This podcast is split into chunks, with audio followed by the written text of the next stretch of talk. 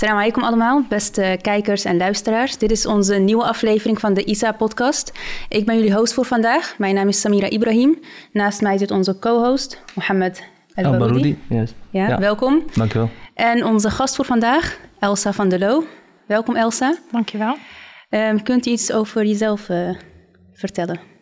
Uh, nou, Els van der Loo. Ik heb gestudeerd hier op uh, de VU en uh, ben ook lid geweest van ISA. helemaal aan het begin toen ISA werd op, opgericht. Ik moest net even terugzoeken wanneer ik precies op de VU heb gestudeerd. Dat was van 2009 tot 2012. Dus Niet zo lang tijdje, geleden. Ja, Heel efficiënt. Een tijdje, tijdje geleden. Uh, na de VU verschillende dingen gedaan, maar op dit moment uh, ben ik advocaat. Uh, de eerste drie jaar dat je advocaat bent, doe je ook nog een beroepsopleiding erbij. Dus dat doe ik ook. daarnaast ben ik trainer. ik train bedrijven en overheden in selecteren zonder vooroordelen. Hoe kijk je objectief? Um, ik doe wat vrijwilligerswerkzaamheden voor Stichting Zorgeloos met Diabetes naar school. Veel juridische vragen uit de stichting. En ik ben uh, moeder van twee kinderen. Een zoontje van drie en een uh, dochter van zes.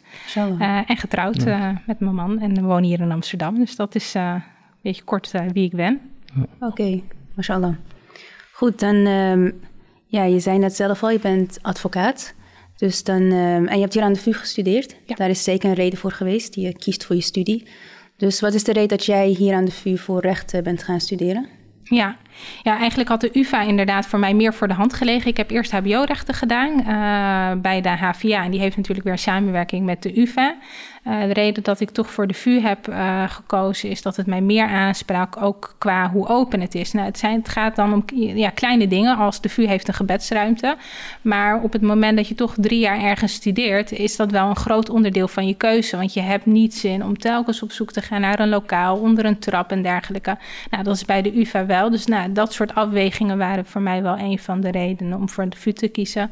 Uh, maar daarnaast ook vanwege de inhoud. Um, ik heb Transnational Legal Studies gedaan, wat meer internationaal georiënteerd. Uh, op mensenrechten waren binnen de UvA ook wel mogelijkheden voor. Maar ik vond het programma van de VU gewoon heel, uh, heel leuk. Dus daarom heb ik toch uh, voor de VU gekozen. Oké, okay, dus je hebt eerst een HBO-opleiding afgerond. Ja. En daarna universitaire opleiding. Ja. En wat is daar de reden voor geweest? Uh, nee, ik heb HAVO gedaan en ik, had het, uh, ik zag het echt niet zitten om uh, nog VWO te gaan doen. En toen ben ik HBO gaan doen. Toen dacht ik, ja, zou ik dan naar mijn beroepen doorgaan naar de universiteit? Ik ben achteraf heel blij dat ik gewoon mijn HBO-opleiding volledig heb afgerond. Omdat het heel praktijkgericht is. Je gaat in je derde jaar stage, loop je vierde jaar stage. Uiteindelijk die ervaring die ik heb opgedaan daar, dat heeft, heeft gevormd tot wat ik uiteindelijk ben gaan doen, ook in mijn carrière. Um, de mogelijkheden die ik daar kreeg om een half jaar uh, naar de, te gaan afstuderen, stage te gaan lopen in het buitenland. Uh, als ik die mogelijkheid niet had gehad, was ik waarschijnlijk niet richting het pad van internationale mensenrechten gegaan. Okay. Dus, dus heb dat, heb je ook gedaan in het buitenland uh, studeren? Ja, ja ik ben een uh, paar maanden naar Kenia geweest. Ik, uh, ik, was eerst in Kenia voor wat projecten die, die zagen op water. En toen ik daar was, uh, zag ik eigenlijk uh, een stammenconflict gaande. Je hebt Kenia, de nationale stam zijn de Maasai. Zijn ook vaak nog traditioneel gekleed en lopen met stokken. Nou, deze keer waren ze met speren. En aan de andere kant zag je een andere, een andere stam. En uh, de reden van het conflict, nou, iets van 200 van die Maasai bij elkaar. De reden van het conflict was een stukje water dat tussen die twee stukken land. Je moet je voorstellen, echt afgelegen uh, gebied waar we op dat moment waren. Uh, ja, wie heeft recht op dat water? Daar ging dat stammenconflict over. Nou, als uh, rechtenstudent uh, ja, vond ik dat heel interessant. Juridisch gezien is water een recht. Is het een mensenrecht? Kan je het claimen? Kan je het claimen als je weet dat de andere mensen dan doodgaan omdat ze geen toegang hebben tot water? Uh, die vraag heeft me zo tot denken aangezet dat ik dacht, nou, daar wil ik mijn scriptie over gaan schrijven. Het, het recht op water. Is water een mensenrecht? Ik ben toen teruggegaan naar Kenia en ik heb dat bekeken uh, vanuit verschillende lagen. Ik heb gezegd, nou kijk, wat zegt Keniaans recht erover? Wat zegt het regionale recht? Hè? Dan heb je Afrikaanse Unie. En wat zeggen we op internationaal rechtelijk uh, niveau? Uh, nou, dat heb ik kunnen doen en dat... Ja, vind ik hartstikke leuk dat, dat die mogelijkheid heb ik gehad. Ja. Omdat ik uiteindelijk ja. dus die HBO-studie eerst op die manier ben gaan doen. En dat heeft mij wel heel erg gevormd uiteindelijk. Achteraf gezien kan je heel, kan je heel goed zien van nou, welke stapjes allemaal in je, uh, in je leven en in je opleiding hebben ertoe geleid dat je nu doet wat je doet. En, en was het ook een mensenrecht? Ja, mijn conclusie is uh, wel dat het een mensenrecht was, maar het was op dat moment nog niet als uh, zodanig uh, erkend. sommige dingen liggen zo voor de hand, denk ik soms, dat we ze niet opschrijven. Dus we hebben wel een, recht op voedsel, maar er was niet heel duidelijk neergelegd dat we een recht hebben op water. Um, en dan kom ik eigenlijk bij mijn volgende. Ja, voor mij was dat wel aanleiding nadat ik die scriptie had geschreven. Ik heb er toen een artikel nog over geschreven dat ik daarmee verder wilde. En uh, toen zag ik iets als uh, VN-jongerenvertegenwoordiger voor Nederland uh, worden. Nederlandse jongeren binnen de VN vertegenwoordigen. Nou, ik vond dat wel een heel mooi een mooie manier om dat onderwerp, het recht op water, eigenlijk een stapje verder uh, uh, te brengen. Nederland is toch, uh, als het gaat om mensenrechten en zeker om water, is dat vanuit Nederland gezien een heel belangrijk onderwerp altijd geweest. Uh, dus dat is de reden dat ik daar toen mee verder ben gegaan uh, in een lobby van, nou, oké, okay, uh, water moet erkend worden als een mensenrecht. is uiteindelijk ook gebeurd in mijn jaar als jongerenvertegenwoordiger, maar heeft zeker niet per se ja. aan, aan die hele lobby daar aangelegen. Maar dat was wel een hele mooie bijkomstigheid. Maar nu, dit was allemaal toen je nog student was? Oké, dus je hebt tijdens um, de periode dat je student was, was je ook gewoon heel erg actief met andere organisaties ja. en andere dingen. Dan kom ik op een vraag, want um, dat is wel waar heel veel studenten af en toe mee zitten. Van als ik aan het studeren ben, moet, moet ik mij dan volledig focussen op mijn studie? Of is het ook handig om gewoon de kans te pakken om ook maatschappelijk en sociaal wat actiever bezig te zijn? Dus wat jij, ja, jij vertelt nu dan, dus jij bent volgens mij heel erg actief geweest. Ja. Um, wat zijn daar nog meer motivaties achter geweest? En wat zijn andere vormen van activiteiten die je hebt, um, ja. waar je hebt meegewerkt tijdens je studentenperiode? Ja, ik denk als ik het sociaal correcte antwoord geef, is het focus je op je studie. Maar eerlijk gezegd, als ik kijk naar mezelf, wat mij uiteindelijk heeft uh, gebracht tot waar ik nu ben, is niet het, uh, de focus per se op mijn studie, maar eigenlijk alles wat ik naast mijn studie heb gedaan. Uh, dat geeft jou zoveel meerwaarde. Dus op het moment dat je bepaalde stages kan lopen. Als de, kijk, bij rechten is dat op de universiteit niet verplicht. Uh, maar ik zou het toch wel echt doen. Het geeft jou heel duidelijk een beeld van: oké, okay, wat kun je doen, waar wil je naartoe? Maar ook uh, maatschappelijk actief zijn. Ik geloof dat we hier uiteindelijk allemaal zijn om iets bij te dragen.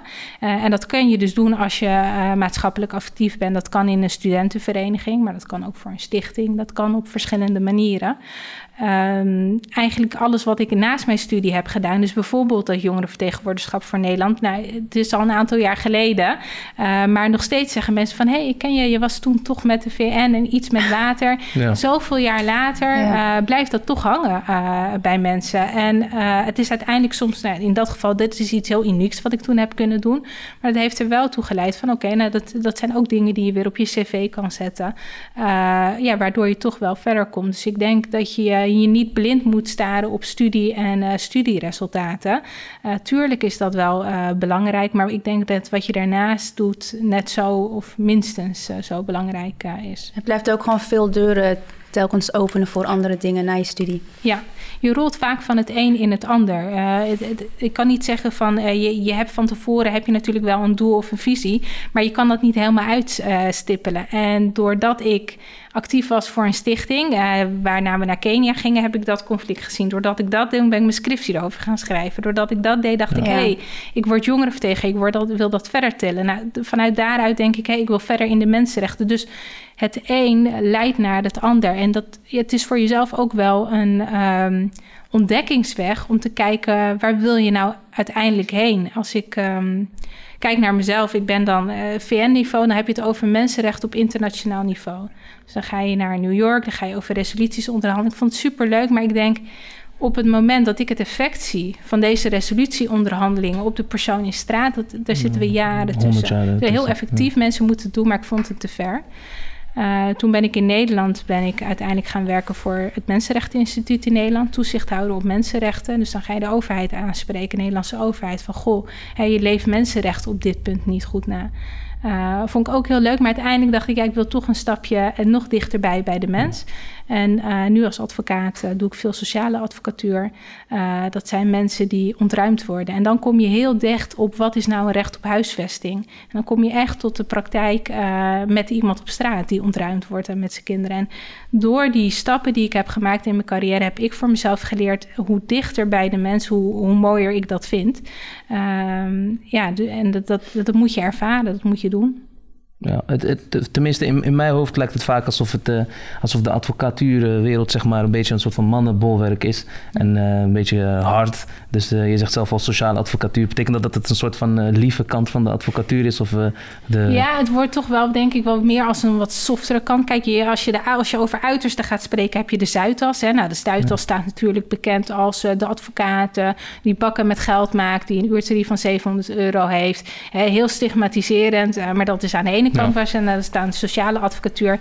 Ja, dat zijn degenen die, die op toevoegingsbasis, dus op basis van rechtshulp uh, werken. Ja, ergens daartussen zit er natuurlijk wel een mix uh, beeld in, maar ik denk dat de advocatuur qua uh, seks wel redelijk divers is, man-vrouw verhoudingen. Maar als we kijken naar diversiteit, is het echt uh, dramatisch. De, cijfer, de, cijfers zijn dat 2% uh, van een diverse biculturele achtergrond uh, zijn. Nou, als ik hier op de VU kijk, ja. dan begrijp ik niet hoe we maar 2% in de advocatuur ja. kunnen hebben. aan de andere kant, ik ken wel heel veel advocaten. Denk ik, nou ken ik dan toevallig net die 2%? Of Precies, hoe zit ja. dat dan? Hè? Zou het misschien toch netwerk zijn waarin je opereert? Maar ja, dat is wat de cijfers toch zeggen. Maar kaart je dat wel af en toe aan binnen jouw kringen? Ook de niet-diverse kringen. En wat zijn dan de reacties daarop? Ja, ik probeer, kijk, uh, je probeert met mensen die eventueel wel interesse hebben in de advocatuur. Dan heb je wel het gesprek van, ja, is dat beeld echt zo? Uh, klopt jouw beeld inderdaad over de advocatuur? Uh, of is het misschien wel iets, iets voor jou? Ik, ik weet niet wat de reden uiteindelijk is dat of studenten er niet voor kiezen, of dat ja, ze misschien niet binnenkomen. Dat, het kan twee oorzaken hebben natuurlijk. Want als ik het goed had begrepen, werk je niet zeg maar, bij een traditioneel uh, advocatenkantoor, maar ben je voor jezelf uh, begonnen. Ja. Dus misschien uh, kan het daardoor dat je niet per se nu meekrijgt hoe dat in elkaar zou zitten, de sfeer bij zo'n advocatenkantoor. Ja. Maar hoe was dat dan bij bijvoorbeeld een stage regelen en dergelijke? Want het blijkt dat studenten daar heel veel moeite mee hebben.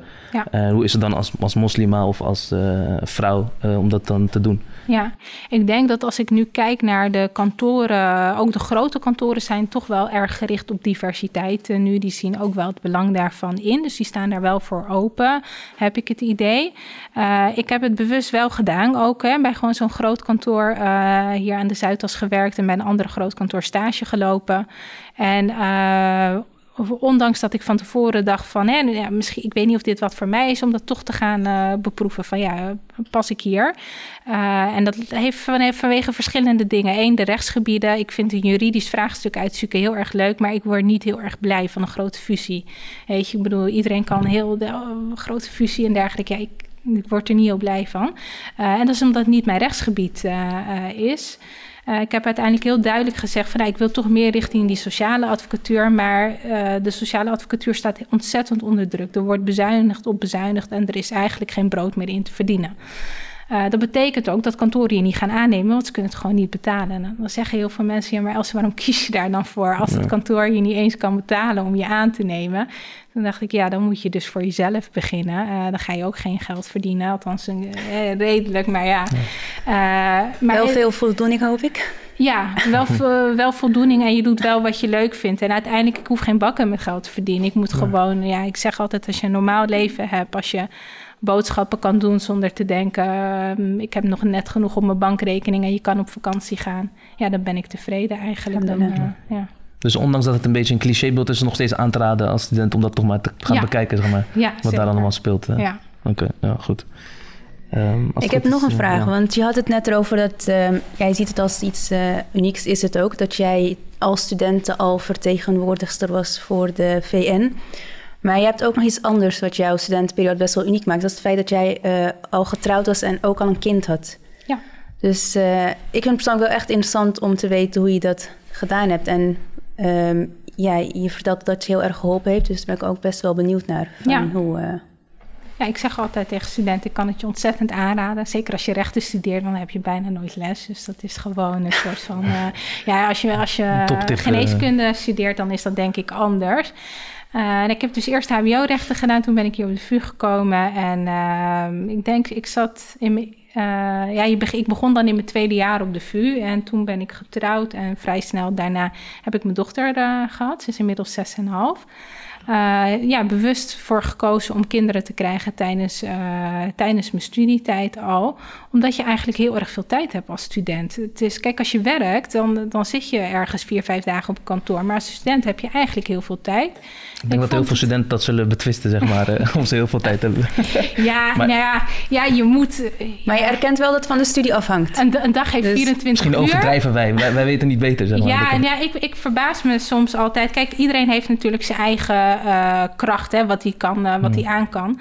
Uh, maar ik zeg altijd, ja, ik studeerde en ik werkte 20 uur ernaast en ik had een kind. En die, ja, weet je... Wat is jouw excuus, zeg maar, om niet... Uh, ja. je, je, moet, je, je, een dag heeft 24 uur en ja. een paar uur zijn om te slapen en de rest kan je benutten. Ja, dus nee, ik vond, het, ik vond het wel heel goed te doen. Ik heb er wel bewust voor gekozen om toen ik mijn master deed dus en net mijn dochter had gekregen om niet te gaan, niet te gaan werken nog daarnaast. Dus ik dacht, doe alleen mijn opleiding en een kind. Dan heb ik al echt mijn handen vol.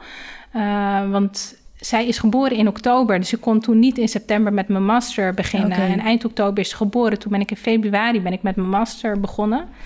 En ben ik gewoon de zomer doorgegaan. En toen ben ik uiteindelijk in december als eerste van mijn klas, die in september was begonnen, afgestudeerd. Weet je, die anderen die waren nog allemaal bezig met ascriptieperikelen. Kijk, als je een kind hebt, ik zeg altijd, ik, ik heb mijn laatste jaar heb ik cum laude gehaald omdat ik een kind had. Zonder mijn dochter had ik het niet zo goed gedaan, want je moet heel goed gaan plannen. Je kan niet gaan zeggen van, nou, ik ga op het laatste moment voor dat tentamen leren. Want als mijn kind ziek wordt, dan kan ik niet leren en dan gaat mijn kind voor. Dus je gaat heel stapsgewijs, je gaat gewoon netjes je huiswerk maken en dat per week bijhouden, zodat op het moment dat je moet leren, dat je dan ja, gewoon gericht kan leren voor het tentamen. En als ze ziek wordt of wat dan ook, ja, dan, dan kan je er ook gewoon voor je kind zijn. En ik had de hele relaxte college tijden. Dat was van uh, ja, 9 tot kwart voor 11 heb je dan. Nou, dan uh, ging ik weg en dan sliep ze nog en dan kwam ik terug. En dan uh, ja, was ze net wakker. Dus dat was dan wel relaxed. En ik had heel veel papers schrijven.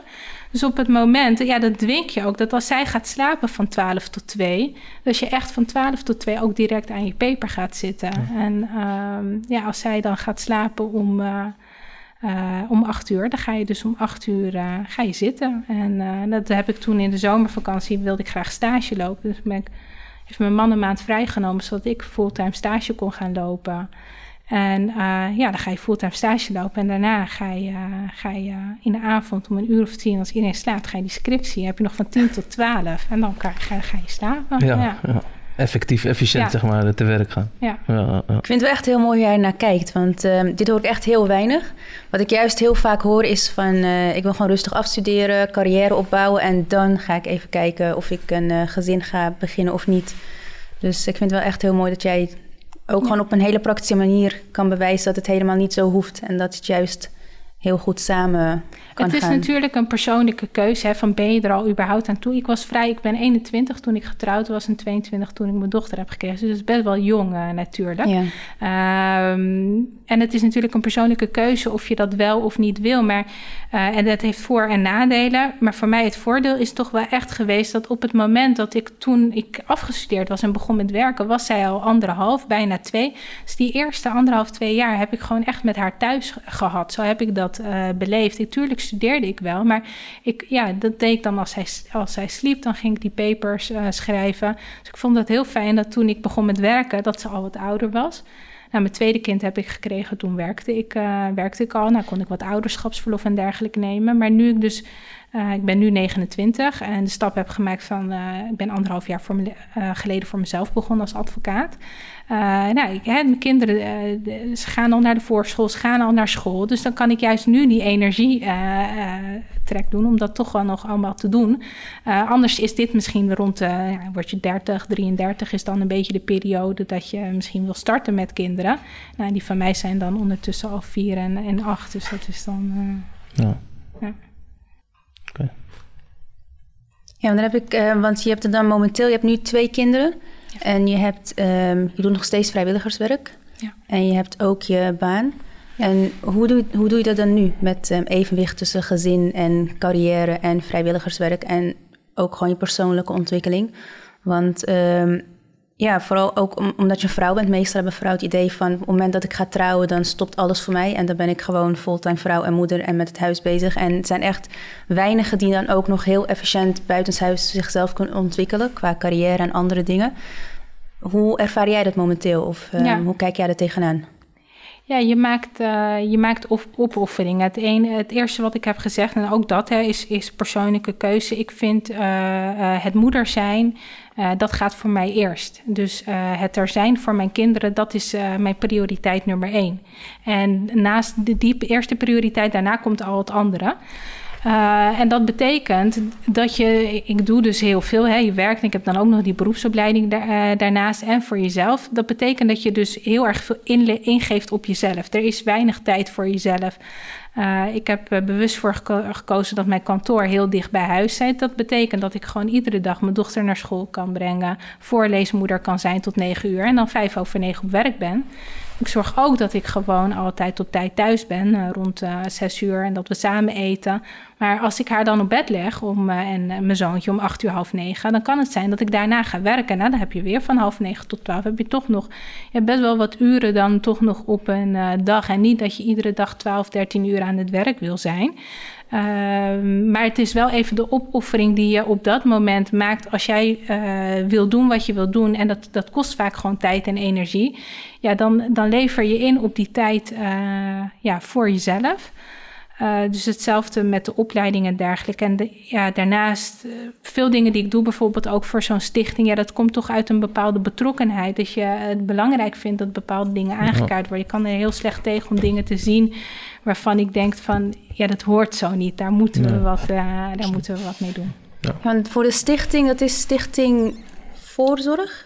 Uh, stichting Zorgeloos, Zorgeloos met diabetes ja. naar school. Ja, inderdaad. Dat, um, mijn dochter die uh, werd twee jaar geleden ziek. Die heeft uh, diabetes type 1 gekregen. Dat is een, ja, een auto-immuunziekte. Dat betekent dat haar alvleesklier niet meer werkt, geen insuline aanmaakt. En dat ze ja, volledig afhankelijk is van een insulinepomp om, om haar insuline toe te dienen.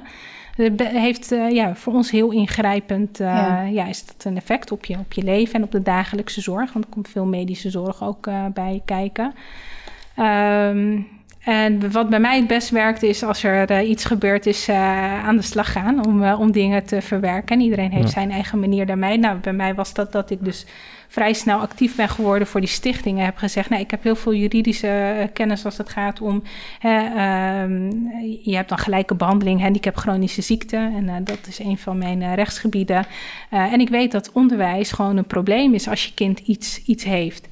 Uh, nou, dus zij waren daar op dat moment heel erg blij mee. Dus ik ben toen heel uh, ja, ben actief uh, voor die stichting geworden. En ook vanuit die drive dat, dat ik zie gewoon waar mensen in de praktijk tegenaan lopen. En ja, omdat je eigen kind dat heeft, dan heb je toch die verbondenheid daarmee. Oké. Okay. als, als, ik, als, als ik even terug mag gaan naar de studententijd. Ja. want als ik goed begreep, ehm, was je niet direct gelijk bij een studentenvereniging aangesloten. En uh, ik, ik, kan me nog goed herinneren dat, dat, eh, dat ik altijd hoorde dat er in die tijd verschillende studentenverenigingen hier waren. Dus wat was nou precies jouw, jouw ja, drijfveer om überhaupt actief te worden? En ho hoezo nou specifiek bij deze studentenvereniging? Ik ben er eigenlijk uh, heel erg ingerold. Eigenlijk in heel veel dingen ben ik in, uh, ingerold. Als ik het ja. zo terug bekijk, uh, dat was in die tijd dat ik VN jongerenvertegenwoordiger was. Nou, en de VU uh, besteedde daar natuurlijk aandacht aan in de advalvas en uh, dergelijke. Dus heel veel mensen op de VU die wisten wel wie ik was. Ik was eigenlijk toen uh, ik was pas anderhalve maand op de VU gestart. Hè? Dus ik begon in september en in oktober waren die verkiezingen. Dus zodra ik eigenlijk op de VU startte, heb ik mijn studie eigenlijk... Ik was wel ingeschreven, maar stopgelegd. Want ik ging heel erg campagne voeren. En heb toen besloten om geen tentamens en dergelijke te maken... maar die nevenactiviteit voorrang te geven.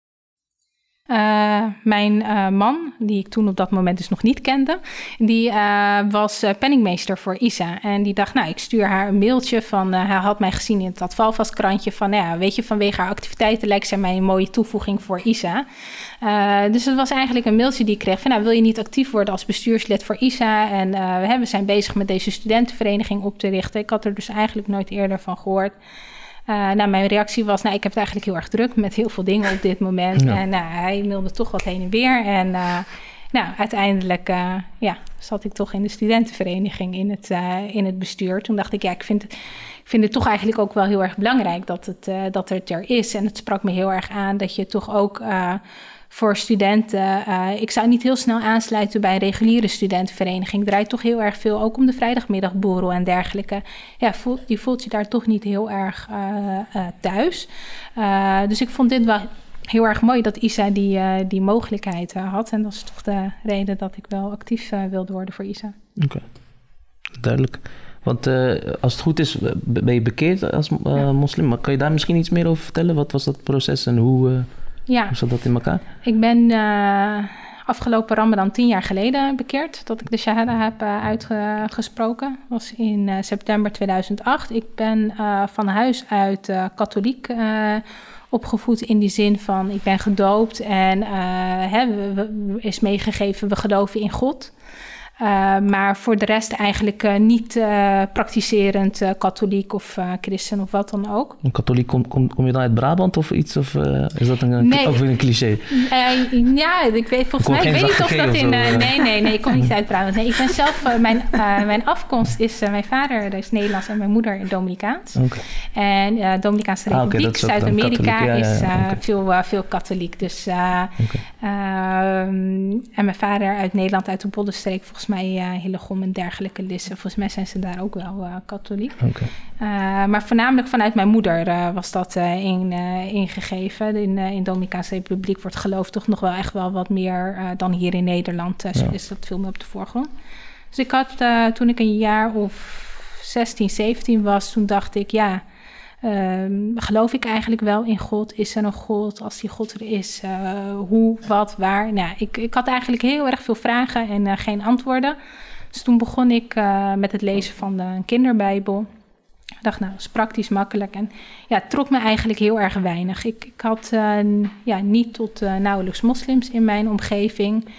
Ehm, dit was in de periode wel, kijk, uh, na 9-11 hebben moslims natuurlijk veel meer aandacht gekregen. Maar misschien vanwege mijn leeftijd of wat dan ook, heb ik dat nooit zo heel bewust ervaren op, die, uh, op die leeftijd. En ook om, waarschijnlijk omdat ik geen moslims had in mijn omgeving. Dus mijn beeld van islam is: het is een geloof, het is een beetje raar en een beetje vrouwonderdrukkend. Dat was een ja, beetje.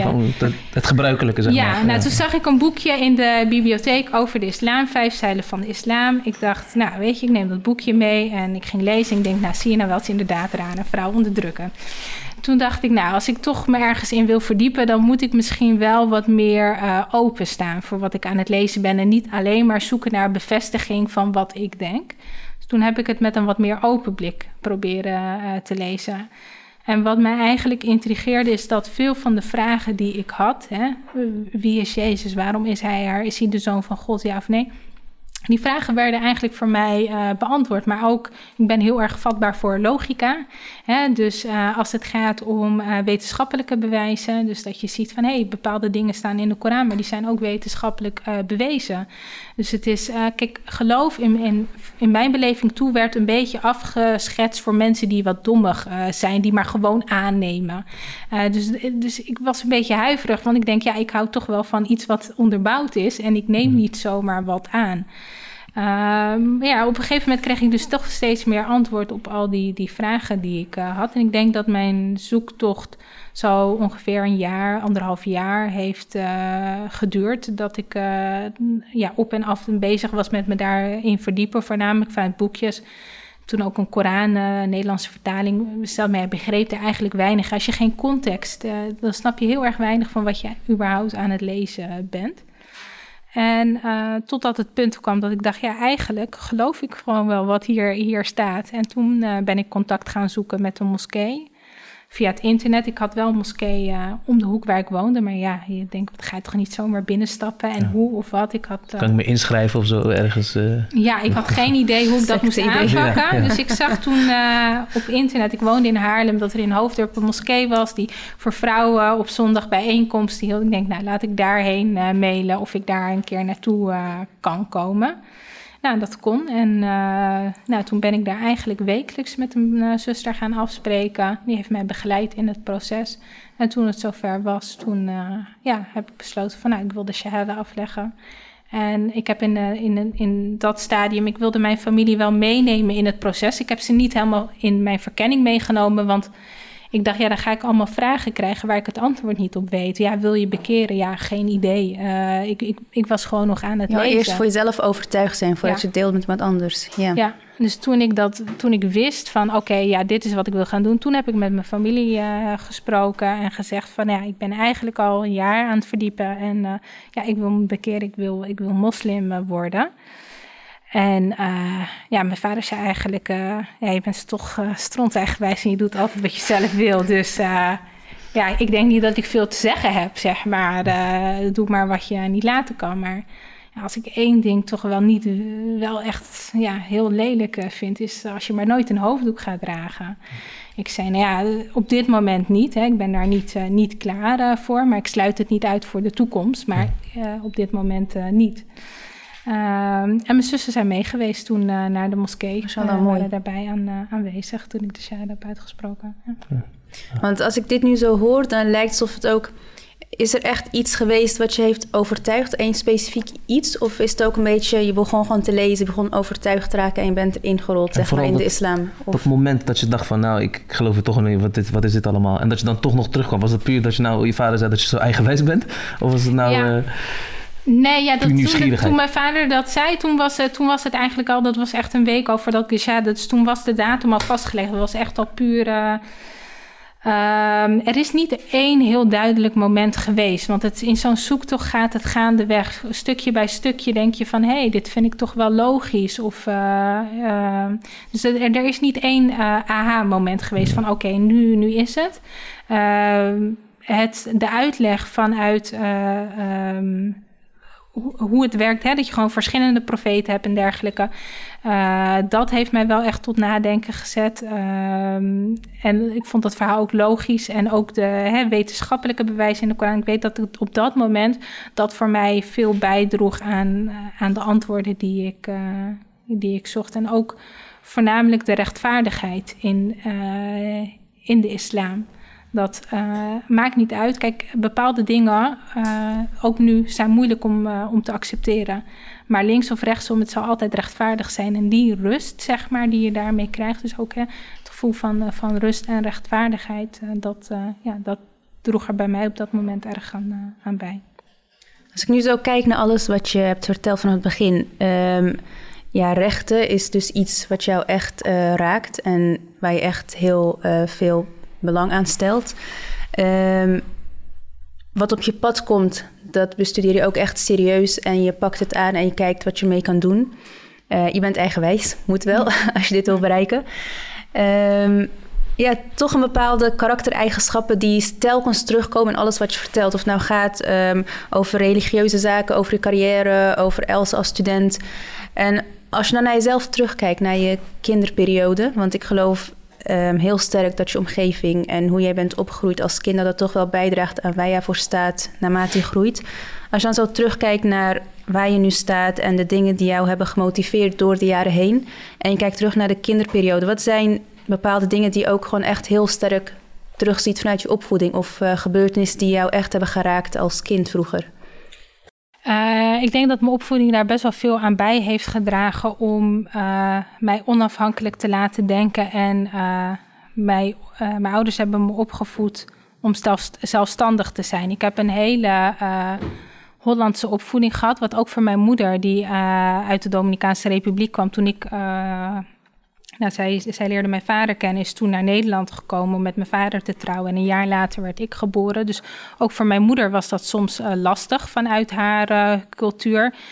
Um, mijn ouders zijn gescheiden toen ik een jaar of dertien was. En ik heb vanaf toen alleen met mijn vader uh, gewoond. En ehm, ja, mijn vader is heel erg ehm, altijd geweest van je kan zelf goed nadenken en, uh, en regel het zelf. En uh, heel weinig beschermend, wat in mijn situatie goed heeft. Ik probeer dat bij mijn kinderen ook deels wel, uh, deels wel te doen. Maar ja, voorbeelden daarvan zijn is je fietst naar school, zes kilometer. Wind, weer of geen weer, regen, ijsel of wat dan ook. Ik ben nooit een dag in mijn leven gebracht. Ehm, op het moment dat ik belde naar huis en ik zei: uh, Papa, ik heb de laatste trein uh, gemist. En het is 11 uur s'avonds. Kom maar lopen. 14, 15. Dan zei hij veel plezier met lopen. Nou, de volgende dag mis je die trein niet meer. Weet je, je, je leert plannen en je leert je Maar heb je dan ook echt gelopen? Ja. Oké. Hoe, hoe lang lopen was dat? Ja. Even voor, de, voor de beeldvorming. Ehm uurtje ongeveer. Een uurtje, oké. oké. Vijf kilometer. Ja. Ah, oké, ja. dat- Dus dat. eh, eh, met bepaalde dingen ook gewoon, hoe ga je verantwoordelijk. eh, eh, weet je, dat, dat zijn ook dingen die je niet leert. Hoe ga je bijvoorbeeld met geld of financiën om? Mijn vader zei dan altijd van, hè, die, die, die leerde je dat wel echt bewust. En hij was gewoon in zijn opvoeding, hij was dus totaal niet streng. Ik, hij zei altijd, nou ja, ik denk er zelf maar over na, je weet het wel. Maar hij leerde me wel echt ja, zelfstandig eh, te zijn. En in sommige eh, dingen, ja, misschien niet precies hoe ik ze weer eh, zou doen. Maar dat heeft er echt wel aan bijgedragen dat ik altijd heel zelfstandig geweest ben. En eigenlijk al vanaf jonge leeftijd, nou ja, dat ik ook mijn eerste reizen naar, naar Kenia maakte. Volgens mij was ik 17 of iets. eh, ja, 17, 18. Dus ik ben altijd ja, dat, dat is toch een stukje opvoeding wat je ook meekrijgt. En ik, zeker in eh, de maatschappij van tegenwoordig zijn we heel erg geneigd om, ik ook om je kinderen heel beschermend op, eh, op te voeden. Maar je moet ze laten falen af en toe. Ja. Je ziet dat bij mensen die dan nu op hun werk of iets terechtkomen, die krijgen dan voor het eerst iets negatiefs te horen. Eh, Weet je, ja, zo is het leven niet. Het leven is, ik kan, eh tuurlijk, je houdt van je kinderen ook en je wil ze beschermen, maar kan ze niet beschermen tegen alles. Dus ze kunnen het beter in de veilige omgeving bij mij leren dan, eh, dan ergens anders. Dat eh, het niet altijd ja, heel mooi is en dat er ook harde aspecten aan het leven zijn. En dat heb ik in mijn opvoeding wel ja, meegekregen. Oké. Ja, want ik heb, als ik nog iets mag toevoegen, zeg maar, altijd wel eh, misschien tips van jouw kant. Dat, dat ik over jongeren denk van tegenwoordig als mensen dat 13 zijn. Ik ben zelf niet zo heel oud, maar ik probeer wel vaak van voor te doen. Eh, mensen die dan 13 zijn en dan de hele maand bij de Albertijn werken. En dan eh, hebben ze 350 euro, ik krijg niet zoveel bij de Albertijn. En dan eh, kopen ze een, een Gucci-riem of zo. Maar wat zou jij tegen hen zeggen, zeg maar, als zij nu toch aan het kijken zijn? Ja. Heb je nog tips of een draai Ja, om de nou, oren? volgens of- mij doen ook, ook misschien nog wel universiteiten. Ja, je kan het doen. Kijk, ik heb altijd, ik heb heel veel, eh, ik heb veel was jouw zoon of, of dochter of zo. Ja, nou ja, ik weet niet. Aan de ene kant zou ik er wat van willen zeggen. Aan de andere kant zou ik dan mijn lijn ophouden van... eh, je moet het even zelf uitzoeken. Ja. Ja. ik heb altijd gewerkt om te reizen, weet je. Ik dacht, alles wat ik werk zo om, eh, om te kunnen reizen. Weet je, ga, weet je, als je inderdaad eh, eh, dat ook, weet je, tijdens je studie... je kan echt veel geld, je hebt, je hebt gewoon veel meer te besteden. Want je hebt al die lasten eh, niet. Niet, ja. Die je dus, eh, als je gewoon helemaal op jezelf bent, wel, ja, ga reizen. Ga de wereld eh, verkennen. Dat draagt echt bij aan je ontwikkeling. En ja, die Gucci-tas, ja, dat... Ja. Heeft één Kan je functie. ook, eh, als je gaat reizen naar Turkije en dergelijke, kan je hem ook voor een tientje ja. kopen. Een eh, goede ja. tip, toptip. Maar je hebt dus veel gereisd, los van je reizen als vrijwilligerswerk. Ja, ja, ook eh, veel. Ik probeer het dan te combineren. Ik ben eh ja, Kenia, Oeganda, Rwanda. Ik ben eh, ambassadeur voor Islamic Relief geweest. Naar Mali geweest, Mali-projecten bezorgd. Eh, ja, zelf kom ik, eh, hè, dus mijn liggen dus ook in de Dominicaanse Republiek, dus die landen. En eh, ja, nu probeer ik ook nog steeds wel gewoon echt andere landen te, te verkennen. Het is en ook gewoon open te staan voor andere culturen. We zijn al heel erg snel geneigd om dingen raar te vinden. Eh, en misschien is je algehele conclusie uit of nog steeds dat je iets eh, gek vindt, maar ehm, ja, probeer ook open te staan voor andere culturen. En wij hebben niet eh, alle, alle wijsheid of iets eh, in, in pacht. Dus het kan ook zijn dat ja, andere mensen bepaalde dingen op een hele andere manier doen. En, eh, Oké. Ik heb nog een vraag, want ehm, ja, als je aan het vertellen bent, je doet uh, mashallah best wel veel dingen, ook als student al. En je hebt het ehm, heel vaak gehad over goed plannen en goed je tijd kunnen besteden. Dus wat zijn jouw ehm, tips op dat gebied? Of wat zijn echt dingen die jij door de jaren heen hebt geleerd van... dit is gewoon echt belangrijk wanneer ik het heb over plannen of mijn tijd goed benutten. Hoe doe je dat voor jezelf? Wat zijn tips voor andere studenten of mensen die ook gewoon heel veel dingen doen in het leven? Ja, ik hou heel erg van plannen. Het moet ook soms een beetje in je aard liggen. Uh, mensen die vaak een beetje control freaks zijn, die hebben dat. Uh, dat herken ik wel. En ik hou heel erg van lijstjes en van vinken. Dus uh, lijstjes maken die je dan vervolgens kan af, afvinken. Ik weet, vast maakte iemand een grapje en die zei... ik vertelde iets en toen zei hij... Oh Elsa, ik zie al hoe jij dat dan weer van je lijstje afvinkt. En toen dacht ik, nou, dat is nou precies wat ik dus ook maar, gedaan heb. Maar wat moet daaronder verstaan? Heb je dan echt een lijstje met nog een kopje thee drinken ook? Of zijn het gewoon de grote nee, lijnen? Nee, gewoon de dingen. Dus op het moment op mijn werk heb ik altijd gewoon een, een, een werkplanning. Hè? Dus uh, de, de, de dingen die ik moet doen, afhankelijk van de termijn en de prioriteit. Dus dan heb ik altijd uh, zo'n to-do uh, ja. ding. Heb ik. Maar ook met mijn studie deed ik dat altijd. Dan, als ik moest leren voor een tentamen, dan maakte ik dus een overzicht.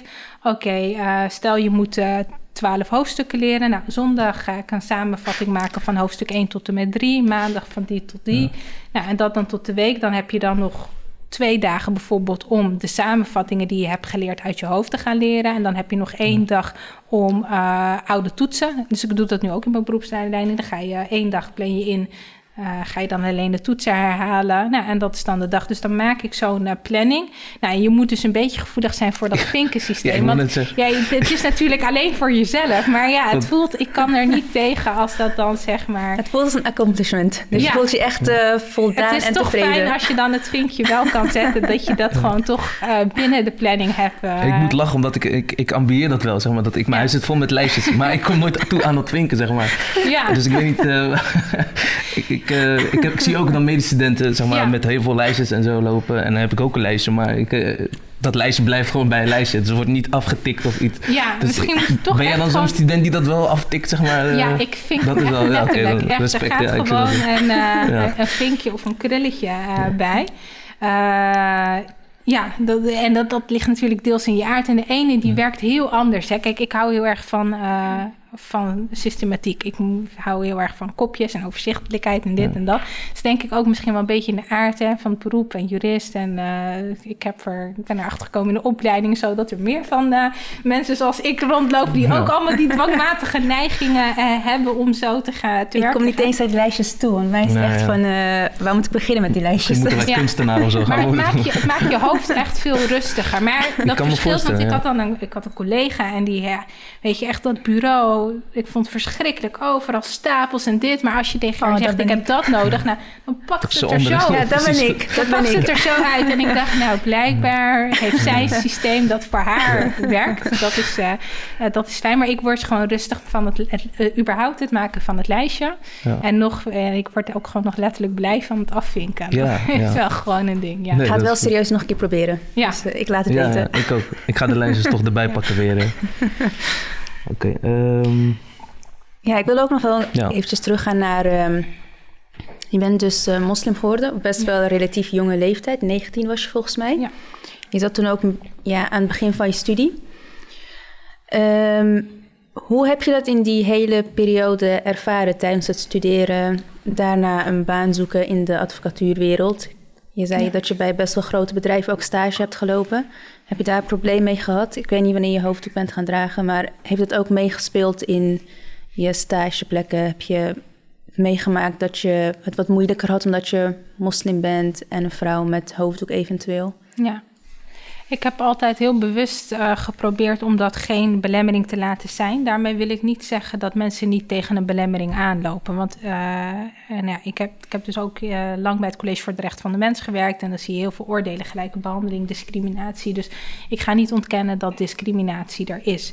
Ehm, maar je moet ook je eigen instelling daarin is ook iets van hoe sta je er zelf in.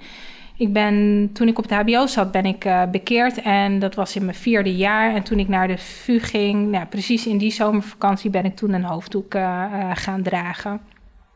Ik werkte toen ook hier op de Zuidas bij een groot advocatenkantoor. Ik werkte als secretaresse naast me in mijn, in mijn studie.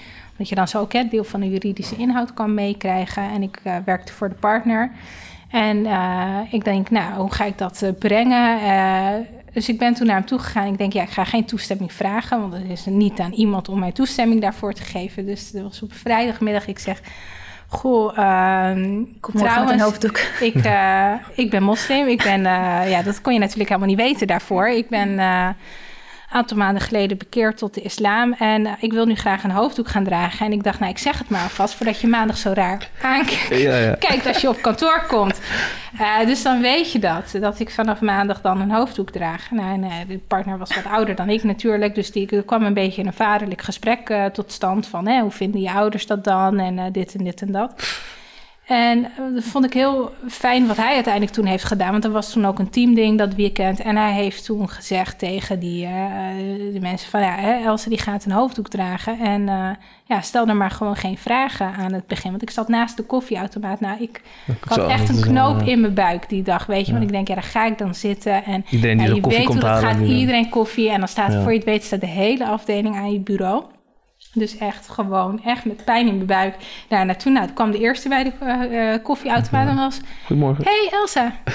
En die liep gewoon weg. ik denk, nou, Je wist ik niks. er al klaar. Ik, ik kon volgens mij geen werk, kwam, er, kwam eruit. Ja, en de tweede en de derde. hey Elsa. Nou, niemand zei wat. En ik denk, nee, die Ja. zijn allemaal hartstikke nieuwsgierig altijd, weet je wel. Ik hoef, er moet maar iets te zijn. Of de, en niemand zei wat. Dus toen kwam ik er dus la- later achter dat hij tegen ze heeft gezegd... van nou, laat er maar gewoon even met rust... en stel maar niet te veel vragen. En dat Ja. was heel fijn, want eh, eh, ik, ik had het toen al moeilijk genoeg eh, die eerste dag. En eigenlijk, nou ja, daarna hè, komen er wel wat vragen... maar niet heel, eh, niet heel veel. En ze zien dat je gewoon nog steeds hetzelfde bent... alleen dan met een, eh, met een hoofddoek.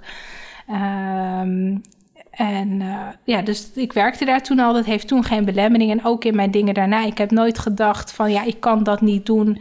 Ik kreeg Omdat heel ik een vaak hoofddoek de, draag. ja, ik kreeg heel vaak de vraag: Ja. kan dat dan wel met een hoofddoek? En dan heb ik gezegd eerlijk, oprecht, die vraag Dat is nog nooit niet eens die is nog nooit in me opgekomen. Het is dat andere mensen me heel vaak hebben gewezen erop, maar kan dat dan wel met een hoofddoek? Ja, waarom zou het niet kunnen? Ik, ik heb daar, eh, kijk, er zijn functies en zeker ook, hè. De rechterlijke macht, die heeft nog steeds het vereiste neutraal. Dus ik kan geen rechter worden, ik kan geen griffier worden, althans kan wel, maar dan moet je je hoofddoek tijdens zitting afdoen. Eh, nou, Advocaat wel, dat kan ja, wel. advocaat wel, want de advocaat is partijdig. Dus ik ben niet, eh, ik ben niet neutraal. Dus dat, dat vereiste van neutraliteit, dat geldt voor de rechterlijke macht. En iedereen wat de rechterlijke macht uitstraalt.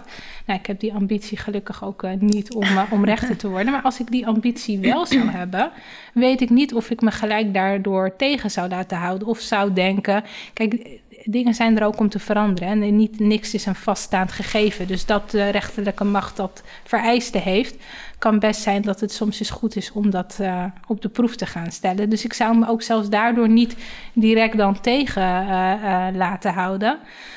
Ehm, ik heb dus zelf gelukkig geen eh belemmeringen ervaren. Eh, en ik ben er eigenlijk altijd ingegaan, zelf met de houding en de insteek eh, vanuit mezelf, dat dat ook helemaal No geen ding deal, hoeft te zijn. Ik moet ook zeggen dat de sector waar ik uiteindelijk... Kijk, ik ben richting de mensenrechtenkant gegaan. En dan heb je het ook wel weer over een specifieke slag mensen. Hè? Mensen die gelijkheid heel erg belangrijk vinden. En eh, vrijheid van godsdienst en dergelijke. Dus ja, die zullen daar ook niet heel erg snel een, eh, een probleem eh, van maken. Maar ik weet nog, het was wel heel grappig toen ik dus die VN jongerenvertegenwoordiger was. Nou, dat was natuurlijk wel een dingetje dat Nederland een vertegenwoordiger... Je gaat dan een speech houden aan de algemene vergadering. Dus de algemene vergadering van de VN, die ga je toespreken namens Nederland. Je bent dan afgevaardigde. Dus je zit dan ook achter het bordje Nederland. Nou, en ik kan me voorstellen dat niet daar iedereen daar even blij eh, mee was dat Nederland een afgevaardigde met een hoofddoek had. Nou, wilde echt het toeval dat na mij ging spreken Australië en dat daar ook een meisje zat met een hoofddoek.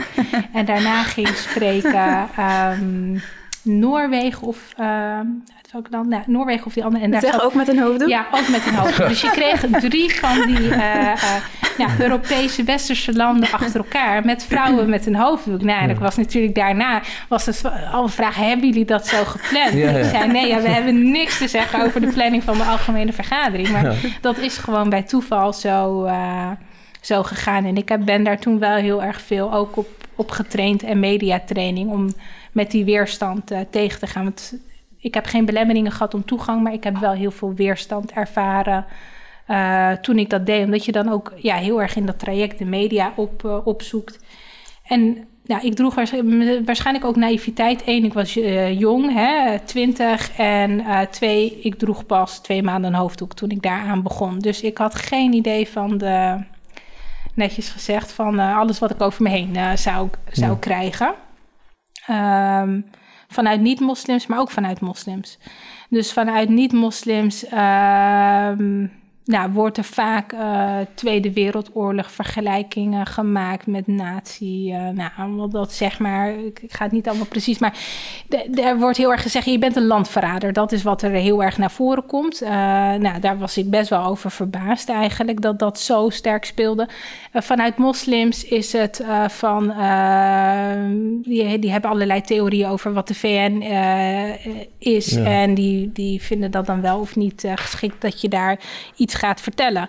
Dus vanuit beide kanten uh, kreeg ik weerstand. En eigenlijk voor mij heeft die weerstand nooit meegeweegd. Ik heb zoveel positiviteit gekregen. Echt, die positiviteit heeft heel veel uh, overstemd van alle negativiteit die ik kreeg. Maar dat was voor mij ja, wel een, een, een eye-opener. Ik had dat niet verwacht, maar wat ik daar ook heb gezien is mensen achter de computer en achter de laptop zeggen heel veel. Maar face-to-face op straat niet. Ik ben heel veel campagne gaan voeren op straat. En ik heb één keer gehad dat iemand er wat over zegt. En daar hebben, zijn we toen het gesprek over aangegaan.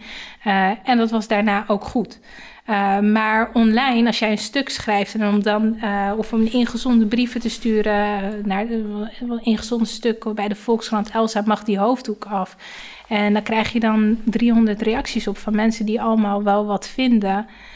Uh, en ik denk daar twee dingen over. Eén uh, heb je dan over nou, waar ga je heen met richting islamofobie en dergelijke. Maar het tweede is dat gezeik, dat krijg je alleen over vrouwen. Ik bedoel, we gaan nooit praten over wat mannen aan hebben. Dus ja. ik zie dat uh, op het islamgedeelte, maar ik zie dat ook heel erg op het vrouw zijn gedeelte.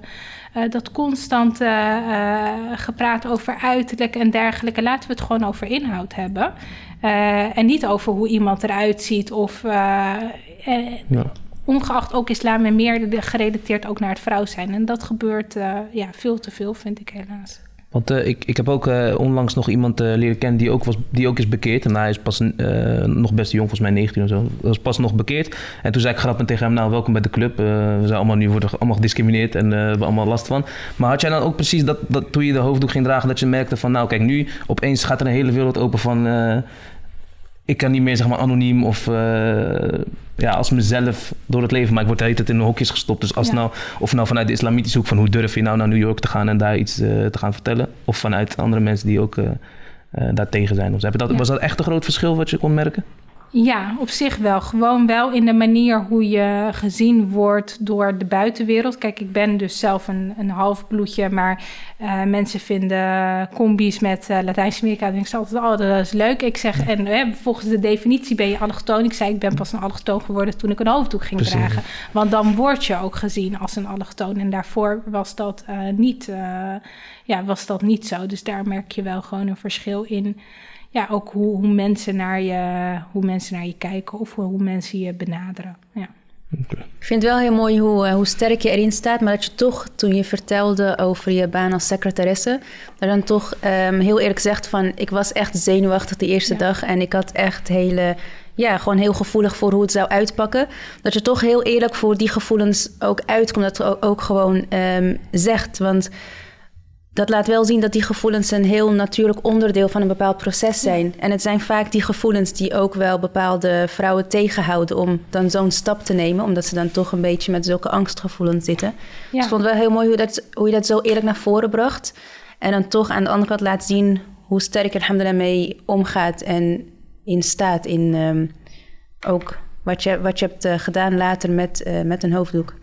Ja, dus, je, moet een, uh, je moet een dikke huid uh, ga je uiteindelijk creëren. Want kijk, tuurlijk, toen ik eerst een hoofddoek gaan dragen, ik vond het spannend, ik vond het doodeng. Ik dacht nog de eerste keer, ik stap in de bus en ik denk, oh, ja, die buschauffeur die kijkt me helemaal niet raar aan of zo. Weet je, alsof iedereen het opeens ziet, dat dat jouw eerste dag is dat je een hoofddoek draagt. Ja. Ze is niet gewoon een vrouw met een hoofddoek, die weten helemaal niet wat er allemaal van binnen in jou, uh, omgaat. In, in jou omgaat. Ja. Ehm, en tuurlijk heb ik het ook, ik heb het ook gewoon wel lastig gehad met die kritiek die ik, uh, die ik kreeg. Ik, ik schreef uh, stukken voor uh, bepaalde websites, weet je, dan schreef je blogs. Nou, en iedere keer als ik wat schreef, dan kwam er echt gewoon een paar honderd reacties op. En dat, het is heel raar om te zien dat mensen gaan discussiëren over jou. Je persoon zijn niet eens de ja, inhoud. Nee, en um, het ging eigenlijk, als er dat soort discussies ging, het ging nooit over de inhoud. Want uh, het ging nooit over het recht op water, maar het ging heel erg op dat andere. Ja, op dat andere proces. En daar heb ik het best wel moeilijk uh, mee gehad. Want je kan wel zeggen van ja, je moet het niet lezen of sluit je ervan af. Maar dat doet jou wel iets. Hè? Dat raakt jou toch als persoon. Want mensen schrijven toch iets over jou. Dat, dat raak je. En het recht op water, je zou niet denken dat het dit zou uitlokken, zeg maar. Het is niet zo'n onderwerp wat je. Maar ik denk ook als ik kijk van naar hoeveel um, ja, media-aandacht toen de verkiezingen en zo hebben gehad. Dat was echt het piek in het jaar dat ik het uh, uh, deed. En na mij, degene die mij heeft opgevolgd, dus er zat iemand na mij en dan de opvolger daarna, dat was ook een, um, ook een meisje met een hoofddoek. En daar heeft niemand wat over gezegd. Weet je, ja, en zo is het vaak. Weet je, de eerste die het doet, daar, daar, daar valt iedereen over. En uh, daarna is het gewoon geen, uh, geen issue meer. En je moet daar ergens de balans uh, zoeken. Want ik heb uiteindelijk wel voor mezelf de keuze gemaakt. Ik wil niet uh, met zoveel negativiteit de hele tijd. Hè. Er is genoeg positiviteit en ja, bepaalde negativiteit kies ik er dan gewoon nu voor om dat uh, weg te doen. Eerst zijn we begonnen met dat ik die stukken schreef en dat, dat er geen reacties meer onder konden komen. Uiteindelijk heb ik gezegd, nou ja, ik ga dat gewoon alleen functioneel. Maar ik heb ook wel heel duidelijk uh, en bewust de keuze gemaakt dat als ik ergens kom of ergens kom spreken, dat ik daar dat dan over inhoud wil doen. Dus over het onderwerp waar ik me op dat moment mee bezig hou. En wat ik toen heel erg merkte is dat ja, je kan wel aanschuiven bij uh, grote praatprogramma's, maar je krijgt altijd een voorgesprek. En uh, ja, dat gaat dan over hele andere dingen, voornamelijk over islam en dergelijke. En ik heb altijd gezegd, is prima. Als jij een bekeerde moslima aan tafel wil, nodig dan mij uit met de vraag: kan je als bekeerde moslima aansluiten? Want we willen daar en daar, maar nodig mij niet uit als een vertegenwoordiger van iets. En dan gaan we het hebben over hele andere Daaronder dingen. moslima zetten ook ja, zo. Dat, nee, uh, nodig me dan ergens anders voor uit. Ja. En dan zeg ik je ook gewoon nee, bedankt. Uh, daar, daar, kom ik niet, uh, daar kom ik niet voor. Uh, dus ik, ben, ik heb daar wel altijd heel erg bewust de keuze in, in, gemaakt. En niet omdat ik bepaalde dingen niet wil promoten, maar omdat ik daar gewoon, ja, daar moet je mij niet voor hebben. Dan moet je iemand anders vragen die, die daar echt iets zinnigs over kan, uh, kan vertellen. En ik kan iets zinnigs vertellen over de inhoud van waar ik mee bezig ben, uh, maar niet over godsdienst uit, uitleggen. Nee. Duidelijk. En ja, je vertelt nu dat je dat was best wel een moeilijke periode toen je je hoofddoek uh, bent gaan dragen. Um, je hebt daarna zeker ook moeilijke periodes gehad. Momenteel misschien ook af en toe. Wat zijn in jouw moeilijke periodes, wat zijn dan echt dingen waar je innerlijk op steunt of krachten uithaalt? Of hoe ga je daarmee om? Ja, ik, ik put wel heel veel kracht uit, uh, uit mijn geloof. Het eerste waar ik altijd heel bewust mee bezig probeer te zijn. En wat mij denk ik altijd sterk heeft gehouden in heel veel dingen, is uh, je intentie uh, duidelijk maken. Kijk, wat mij heel erg aantrok in de islam is. Uh, je intentie is omwille van Allah. Dus als dat jouw intentie is in alles wat je doet, dan heb je alleen alleen Allah die jou tevreden moet stellen. Want op het moment dat ik mijn ouders tevreden wil stellen, mijn vrienden, uh, mijn kinderen, je gaat altijd wel, uh, uh, je kan nooit iedereen tevreden houden. want de ene wil liever dat je het zo doet, de andere wil liever dat je het zo doet. Maar als je het omwille van Allah doet en je, dat is jouw intentie en je wil het juist doen op die manier. Dan maakt het niet zo heel erg veel uit of de mensen uh, geen dankjewel zeggen voor wat je doet, weet je. Want soms denk je, ik hoor dat vaak, ja, maar uh, doelgroepen of mensen zijn ondankbaar of iets dergelijks. Ja, ik doe het niet voor jou. ik heb een ander doel, zeg maar, een groter doel. en als je dat steeds heel bewust bij je houdt, wat is mijn intentie? Waarom doe ik dit? Waarom zet ik mij maatschappelijk in?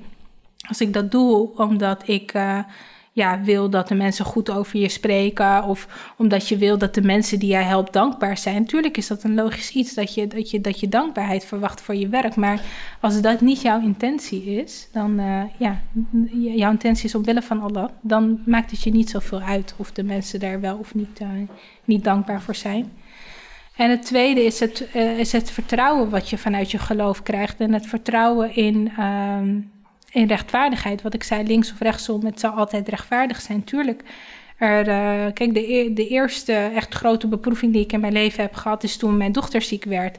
En dat je uh, ziet van, uh, is een vierjarig meisje, je moet daar constant naalden en spuiten in zetten. en dat doet heel wat met je als moeder, om te zien dat zij, het is nog een ongeneeslijke ziekte, dat zij haar leven lang diabetes type 1 heeft en daarvan afhankelijk is. Uh, en dan kan je je allemaal vragen gaan afstellen. Ja, waarom? Waarom? Ja, alhamdulillah, dat, is waarom. Kijk, iedereen heeft zijn beproevingen. Je wordt niet met meer beproefd dan, uh, dan je krijgt. en in alles zit wijsheid. Dus ehm, waar ik veel houvast aan heb, is soms hebben jullie af, heb je afkeer van iets wat misschien goed voor je is. Wij, wij zijn niet in staat om het totaalplaatje nog te kunnen zien. En zo kan ik ook terugkijken op mijn leven en denken van, oh ja, eigenlijk heel goed dat ik uh, weet je wel, bepaalde keuzes uh, heb gemaakt. Dus, uh, bijvoorbeeld met zo'n studie, dat je, nou, ik deed een eerste HBO. Ik had net op een halve punt, had ik mijn P niet in het eerste jaar. Ik baalde, want ik denk, ja, ik had misschien toch eigenlijk wel gelijk naar de universiteit gewild. Nu kijk ik terug, denk ik, ben hartstikke blij dat ik die studie op die manier heeft heb afgerond. Want het heeft me geleid tot wat ik nu, nu doe. Zonder dat had ik een hele andere weg bewandeld. Um, en zo ook in het leven, met de dingen met wie je, waar je mee je beproefd wordt. Ja, ik, ik, kan, ik kan niet zien wat de wijsheid uh, daarvan is. En ja, het leven is ook niet bedoeld om makkelijk te zijn, denk ik altijd. Weet je, dus uh, het leven is ook gewoon. Uh, het leven is met beproevingen. En ja, je, je, hoort ook beproefd te worden. en dingen horen ook ja, zijn ook soms zwaar. Dat zeggen ook mensen inderdaad van, oh, soms, oh, je doet veel dingen bij elkaar en is dat niet zwaar?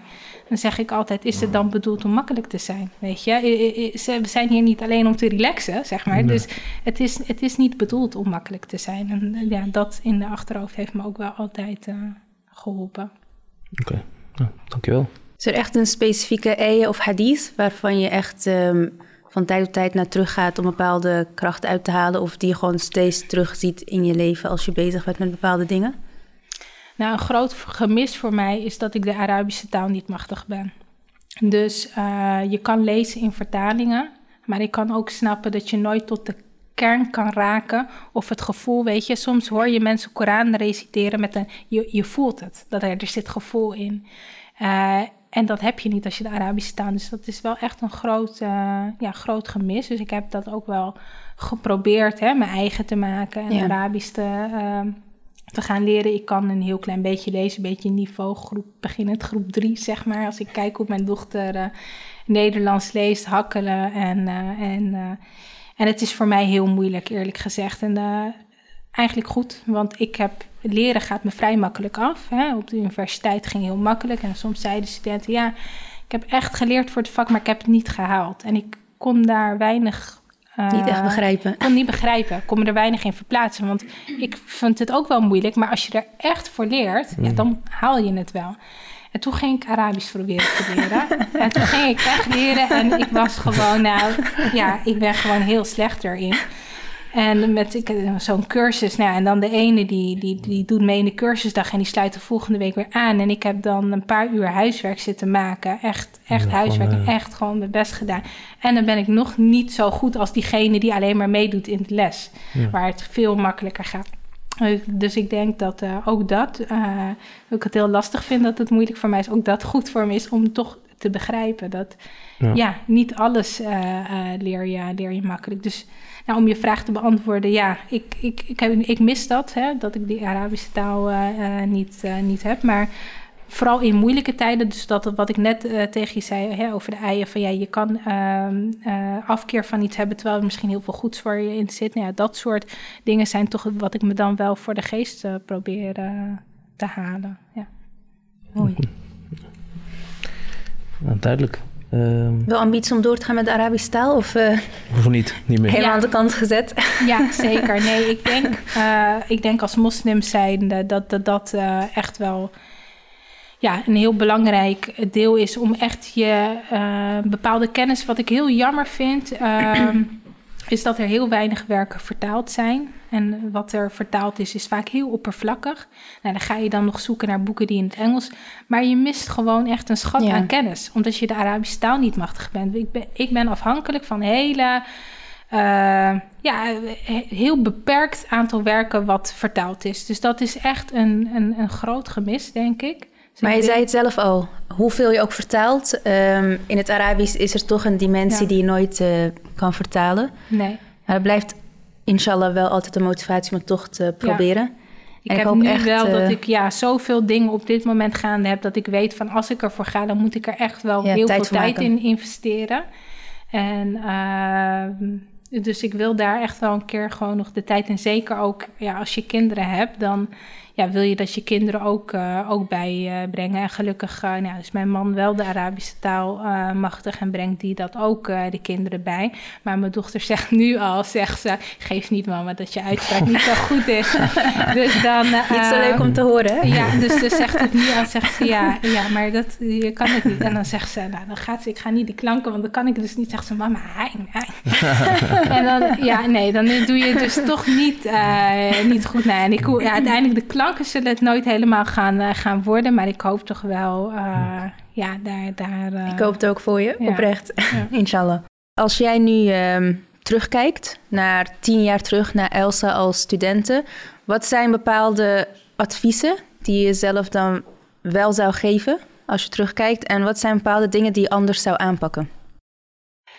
Ja, nou misschien arrogant of niet. Maar ik denk dat eigenlijk zou ik het gewoon precies zo ook nog uh, hebben ge gedaan. Ik ben eigenlijk, als ik terugkijk, uh, ja, tevreden over hoe het, uh, hoe het gelopen is. Over de keuzes die ik op dat moment gemaakt, gemaakt heb. Dus er zijn niet heel veel dingen waarvan ik zeg van, nou, dat zou ik, dat zou ik veranderen. Kijk, ik heb er toen ik hier kwam in mijn bachelor, heb ik ervoor gekozen om mijn nevenactiviteiten voorrang uh, te verlenen. Dus ik was eigenlijk weinig uh, aanwezig. Ik uh, leerde puur samenvattingen met het doel het behalen van het tentamen.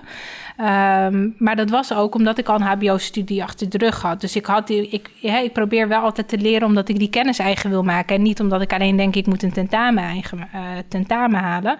Maar toen ik hier net kwam, ja, waren heel veel dingen waren herhaling. Had ik al op het HBO gedaan. Ik besteedde heel veel tijd aan die nevenactiviteiten.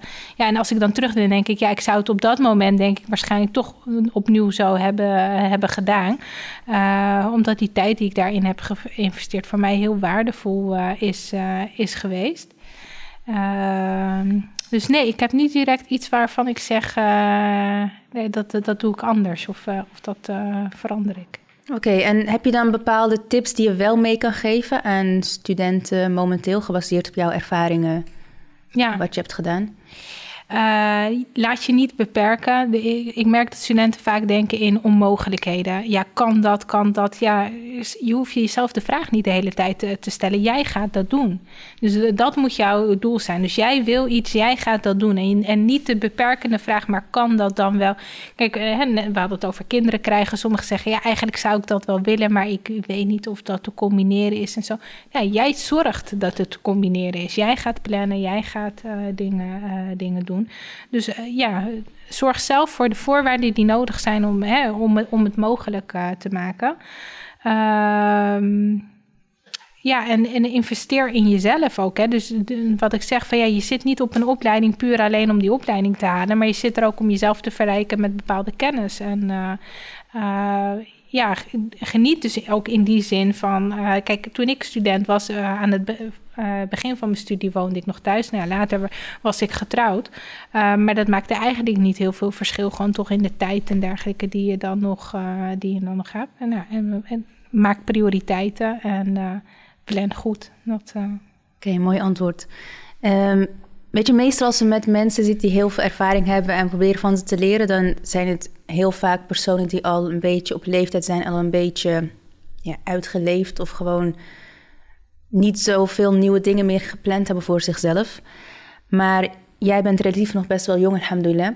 En ik kan me voorstellen dat jij je nog, dat je jezelf nog niet hebt vastgebonden in een bepaald levensstijl met bepaalde dingen. Dat je nog heel veel dingen hebt waarvan je denkt van dat wil ik nog doen en ik wil dit nog ervaren of ik wil dat nog leren. Dus kan je daar ook wat meer over delen, wat jouw toekomstige plannen nog zijn? Ja. De komende periode. Niet alleen op het gebied van carrière, maar ook gewoon persoonlijke ontwikkeling. Ja, uh, nou, ik, ik, zeg altijd probeer te zijn, hè, soms als een, als een spons. Dus in alle situaties waar je in neem alle kennis en dergelijke tot je. Weet je, ben, je bent nooit, uh, cliché inderdaad, maar ja, je bent nooit uitgeleerd. Als ik kijk naar werk, dan heb ik binnen de advocatuur wel altijd... Uh, heb ik wel echt mijn draai gevonden. Het is wel, ik zie mezelf makkelijk de rest van mijn leven advocaat zijn, maar wel uh, daar, daarbinnen kun je natuurlijk wel gewoon diversiteit hebben van waar ga je naartoe, wat wil je bereiken. Het idee dat ik advocaat wilde zijn, dat is eigenlijk, um, ik was een jaar of zeven en uh, toen zei ik, ik, ik wil later advocaat worden. Dat is het enige wat ik ooit heb gezegd. Oké, ik heb nog altijd zo gebleven. Ja, mijn vader die heeft, uh, had het allemaal nog bewaard. Uh, mijn eerste contract gemaakt toen ik acht was. en dat contract hield iets in als... Uh, dat we zouden ergens heen gaan of zo. Nou, hij moest zijn handtekening zetten. Ik moest mijn handtekening zetten. of zo'n zo'n memootje.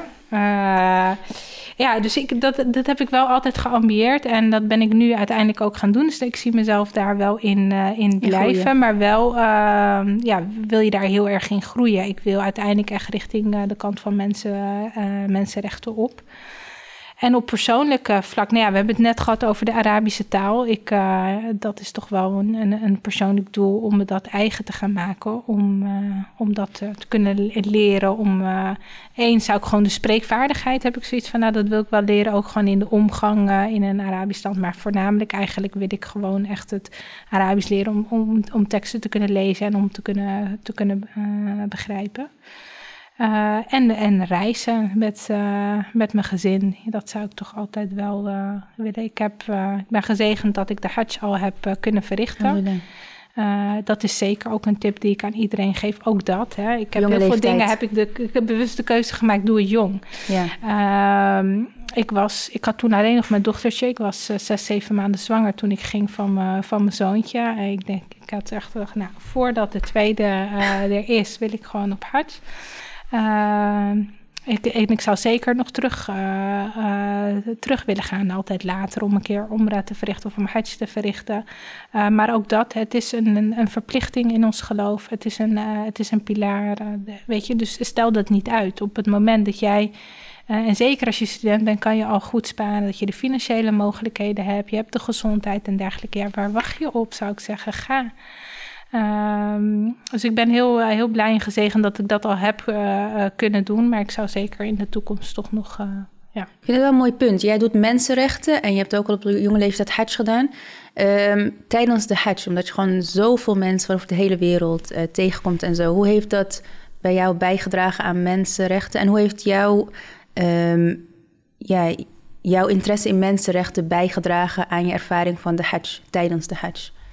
Ja, ik, was, ik was toen al wel bezig met dat, uh, uh, met dat mensenrecht. Ik denk dat de Hajj vooral heel erg bijdraagt in je persoonlijke ontwikkeling. Kijk, heel veel mensen doen er heel romantisch over, over de Hajj. Maar eerlijk gezegd, het is gewoon echt een struggle. Het is, kijk, Duwen, trekken. En, uh, ja, het is gewoon echt een, een beproeving op jouw geduld.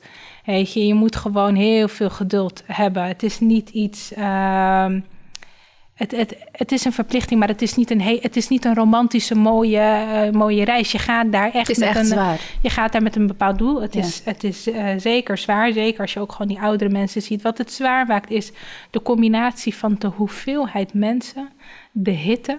De, uh, en het geduld dat je dan op dat moment eigenlijk je hele zijn daar draait om het verrichten van de vijf gebeden. En daar heb je echt een dagtaak aan. Want je, voordat je zeg maar met Fajr, nou ja, je staat op, je gaat een uur eerder om überhaupt een plek te kunnen krijgen. Dan heb je het gebeden voordat je eruit bent. Dan ben je al een paar uur mee kwijt. Nou, dan kan je je voorbereiden op het volgende. Nou, tussendoor en Asser, dan is het de moeite niet waard om de moskee te verlaten. Want voordat je er weer in bent, ben je even lang. Hmm. Dus je hele dag draait, uh, draait daarom. En het is ja, veel, veel geduld. Dus het is ook een goede test voor jezelf om gewoon uh, ja, geduldig uh, te zijn. En het is, uh, ja, dit is ook zeker als je het hebt over tentenkampen in Mina en dergelijke. Ja, daar moet je niet een te al te romantisch beeld bij, Hmm. bij hebben. Dat, Het is geen kampeervakantie. Ja, zoiets en dan in het kwadraat. Ik ben nieuwsgierig naar. Um, ja, ik heb namelijk een vraag van tijdens jouw Hajj was er een bepaalde situatie waarvan je echt dacht van vanuit mensenrechten perspectief en ook omdat mensenrechten gewoon binnen de islam zo belangrijk is vanuit menselijk per, mensenrechten perspectief en vanuit de islam zou dit echt anders moeten? Ik heb het denk ik niet op die manier uh, beleefd vanuit, uh, vanuit mensenrechtenperspectief. Omdat je heel erg gaat vanuit die religieuze gedachten. Ja. Je moet natuurlijk wel zeggen, kijk, in, in de religie zit natuurlijk ook heel veel. Maar ik heb het niet op, op die manier... Uh, Ervaren? Nee, niet op die manier heb ik er naar gekeken.